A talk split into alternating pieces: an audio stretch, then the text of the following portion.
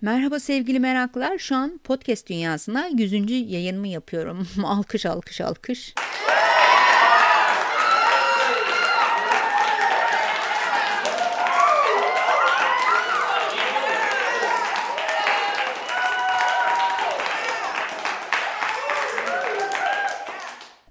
Demek bu mikrofon önünden sizlere yüz kez seslenmişim. 6 Nisan 2001'de ilk yayınımı yapmıştım.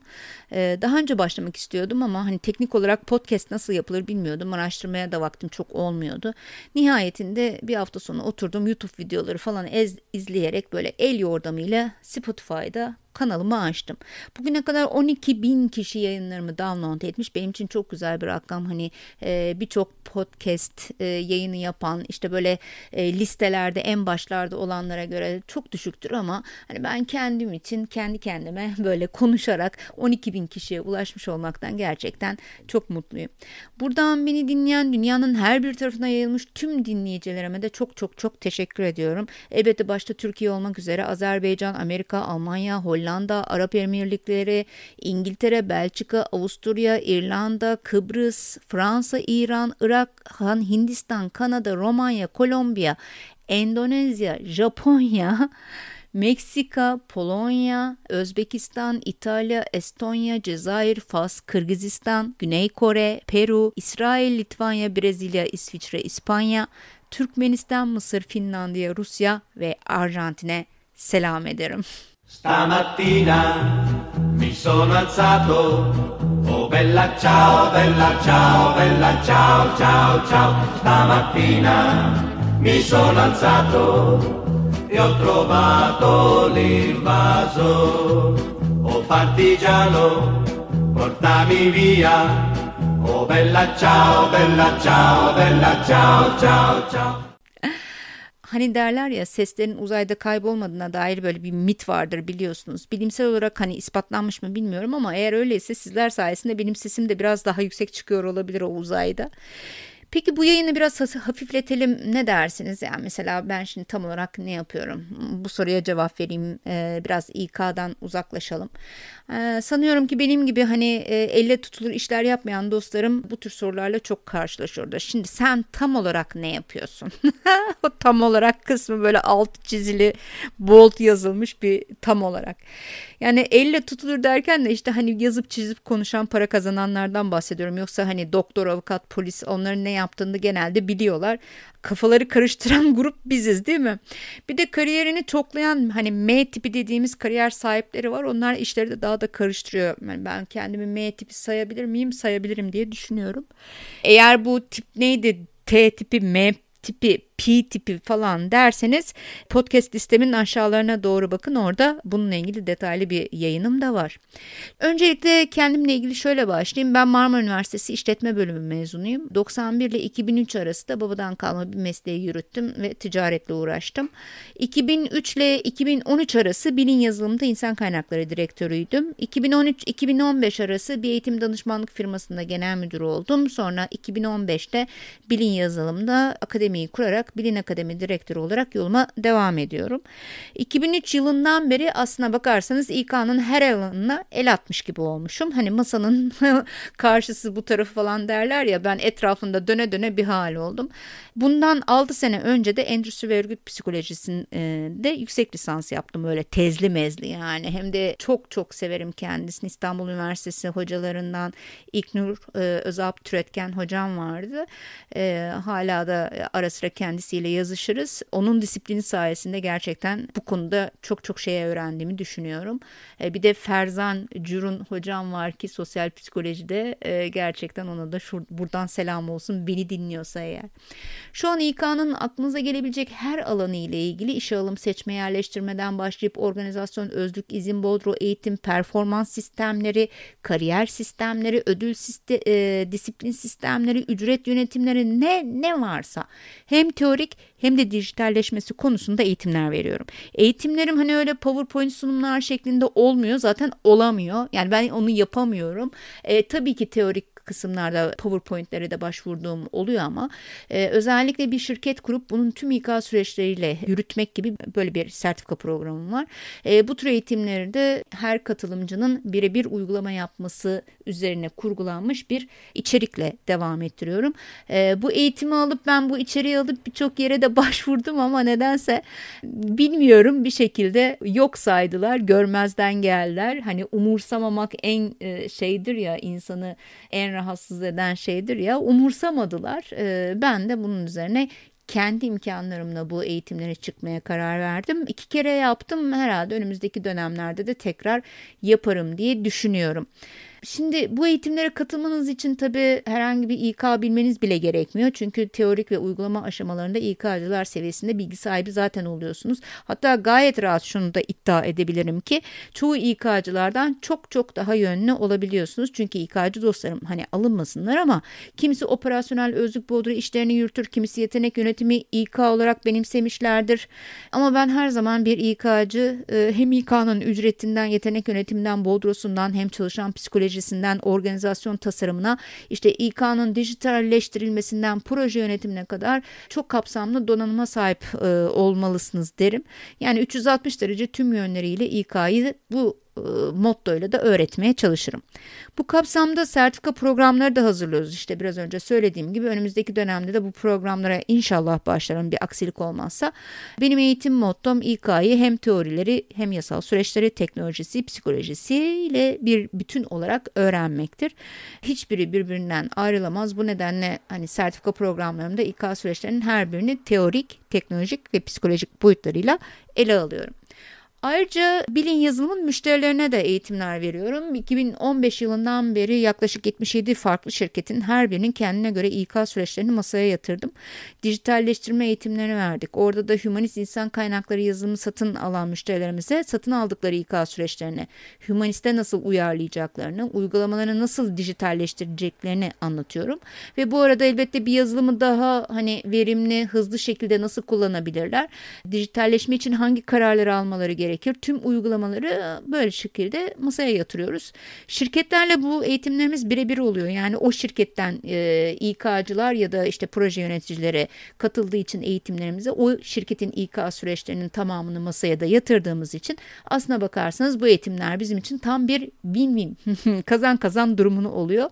Çünkü e, biz de onlardan uygulamalar hakkında fikirler alıyoruz. Onlar da bizden hani bizim eğitim konumuz içeriği neyse o konuda bilgi alıyorlar.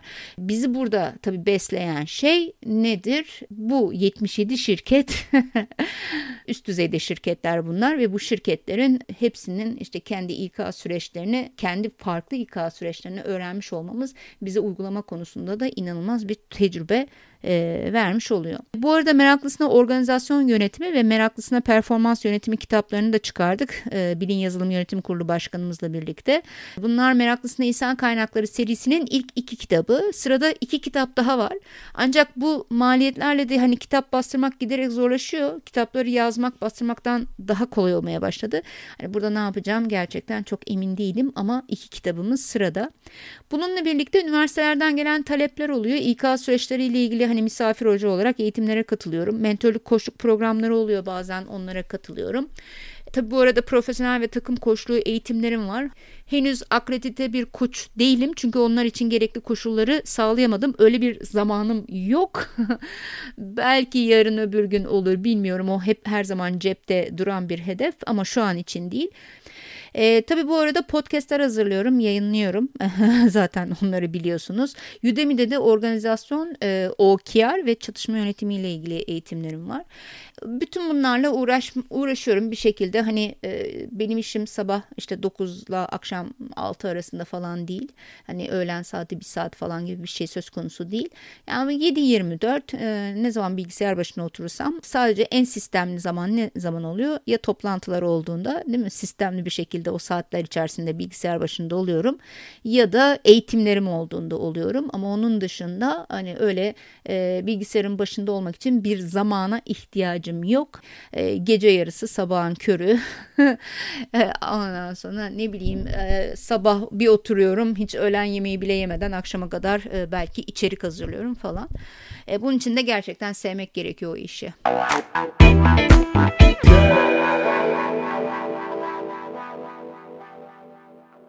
İş hayatımda ne kadar alternatifli planlarım, hedeflerim varsa, kurallar ne kadar önemliyse özel hayatımda tam tersi. Öyle iş çıkışı eve giderken kırmızı ışığa yakalandığımda hani birden sağa dönecekken sola dönebiliyorum. Plan yapmadan mesela tatile çıkmışlığımız var. Hani burayı beğenmedim yan kasabaya geçelim bakıp çıkalım falan dediğimiz yerler olmuştur. Ha, tabii burada eş uyumu çok önemli. Hani o böyle bir uyumunuz yoksa bu şekilde de hani plansız şekilde davranmak çok zor olabilir. E, gezmeyi severim. Dünyanın e, bir gördüğüm yerini bir daha gidemeyeceğim kadar büyük olduğunu biliyorum. Yani e, bir gördüğüm yere ikinci, üçüncü, dördüncü kere gitmenin anlamsız olduğunu düşünüyorum ama nedense anlamadığım bir şekilde İtalya bunların dışında. Herhalde o geçmişimde bir İtalya'da bir, bir akrabalar mı vardı?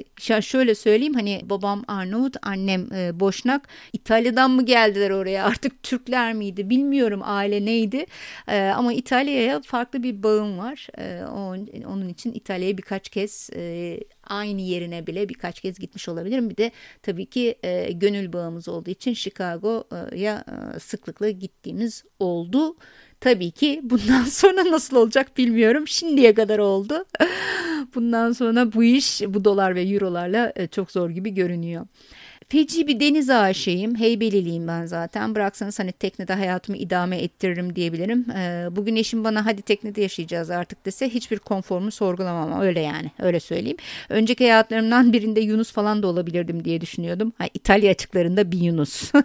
İhtimaldir yani. İflah olmaz bir Yunus hayranıyım. Yani bir daha dünyaya gelsem ne olmak isterdin deseler mesela sualtı fotoğrafçısı falan derim. Ya da Yunusları işte araştıran bilim insanları olabilir veya işte hani hani onlar yaralandığında tedavi eden insanlar falan olmak e, o tür şeyler olmak isterdim açıkçası. Geçen seneye kadar e, geçen birkaç sene önceye kadar yani uzun bir süre e, motivasyonum o yapıyorsa ben de yaparım şeklindeydi. Sonra baktım ki farkını ortaya koymak daha önemli. Hani neden birileri yapıyor diye bir şey yapayım ki değil mi? Şeyi de düşündüm en taklit edilemeyen duygu samimiyet onu da biliyorum. Ben de samimiyetin kendim olmaktan geçtiğine karar verdim. İlişkilerde, iletişimde hani çok kasıyordum açıkçası. Hani profesyonel yaşamda da öyle. Belli bir profil e, çizip o profile kendimi uydurmaya çalışıyordum. Bir sürü o seminerlerde falan geçen klasik konuşma kalıpları falan vardır ya onları çok kullanmaya çalışıyordum. Hani profesyonel olmak adına. Ama baktım ben çok kasıldım yapamadım. Ezberlemem gerekti. Orada zaten bende durmadı. Ee, dedim ya rahat olmak en iyisiydi. Hani boş ver dedim en sonunda seninki de ayrı bir tarz olsun. Hiç akademisyen gibi konuşma veya bir düşünceyi evirip çevirip hani o farklı cümlelerle söylediğinizde laf kalabalıklığı yaptığınızda insanlar siz uzman zannediyor ya. İnsanlar zannediyor da zeki insanlar zannetmiyor. Onlar bıyık altından gülüyor. O zaman dedim ki kızım sen kendin ol. Seni anlayanlar zeki insanlar e, seni izlesinler onlar değerlendirsin. Anlamayanla da gerçekten kendine anlatmakla uğraşma. Kariyerim boyunca öğrendiğim en büyük hayat tecrübesi ise e, nedir diye sorsanız hani dört tane şey söylerdim. E, benim için en önemlisi herkes aynı mesafede ol. Sen kimse nin kurtarıcısı değilsin ama hiç kimsenin sakın kurtarıcı rolüne girme iş hayatında. Doğruları söylemenin bin bir yolu var ama direkt söylemek bunlardan biri değil. ya burada yalan söyleyin, ıvırın kıvırın, bükün falan demiyorum ama gerçekten iletişim kullandığımız kelimeler ve cümleler inanılmaz fark ettiriyor. Yani sonuçta e, karşıdakini bir şeye ikna etmeye çalışıyorsunuz. İletişim bir nevi fikrinizi karşıdakine empoze etmek değil midir yani? E, şu anda beni dinlerken dinlerken bile benim fikirlerimi dinliyorsunuz. Yani inanırsınız, inanmazsınız, desteklersiniz, desteklemezsiniz ama benim söyleme biçimim e, söylediğim fikrin kabul edilmesinde e, çok etkili. Onu biliyorum. E, bu gerçekten önemli. Bir de tabii ki iş hayatında kendinize güvenmeniz gerçekten çok önemli. 20'li yaşlardaki bir evrime kendine güven diyebilirdim. Beni tanıyan dostlarım bilir aslında bundan sonraki hani bir basamak ne olur işte bundan sonraki hedefin ne falan diye sorsalar hepsine şey derim bilirler İber Hoca gibi olmak.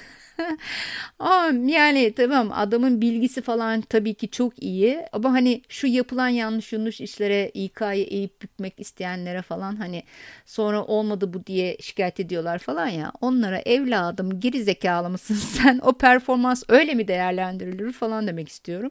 Yani bunu diyebildiğim an e, gerçekten kendim olacağım artık. Bazen çünkü içimden demek istiyorum ama e, tabii ki yapılmıyor hani ülkenin şu durumuna bakılırsa aslında o kıvama çoktan geldim geçiyorum. Hani rahatlıkla herkes bildiğini bilmediğini ortaya döküyor ya. Ama evrime sorsanız daha çok fırın ekmek yemesi gerekiyor der. Ee, o yüzden hani henüz evladım sen gerizekalı mısın öyle performans değerlendirme yapılır mı diyemiyorum.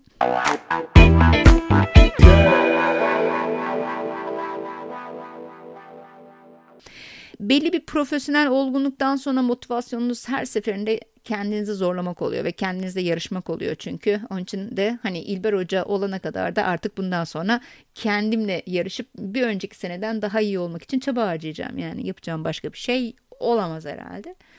Evet 100. yayınımızda biraz daha özel konulardan bahsetmek istedim. Hani bundan sonrakiler için lütfen bana yazın. Yani karşılıklı etkileşimle e, daha çok zenginleşiyoruz çünkü. evrimfunda.gmail.com adresinden ulaşabilirsiniz veya LinkedIn, Twitter, Instagram hesaplarında da yine yorumlarınızı e, beklerim. Hatta Instagram'da meraklısına İK diye bir sayfam da var. E, her podcast yayınımı orada da paylaşıyorum. Oradan da bana ulaşabilirsiniz ya da yayınlarla ilgili yorumlarınız olabilir. Hani o yorumlarınızı yapabilirsiniz. Bu da gerçekten benim için çok önemli. Aldığım geri bildirimlerle çünkü yolumu daha rahat çizebiliyorum. Evet bir sonraki yayında bakalım bize hangi sürprizler, hangi konular bekliyor. Merak etmeye devam edin diyorum. Hoşçakalın. Müzik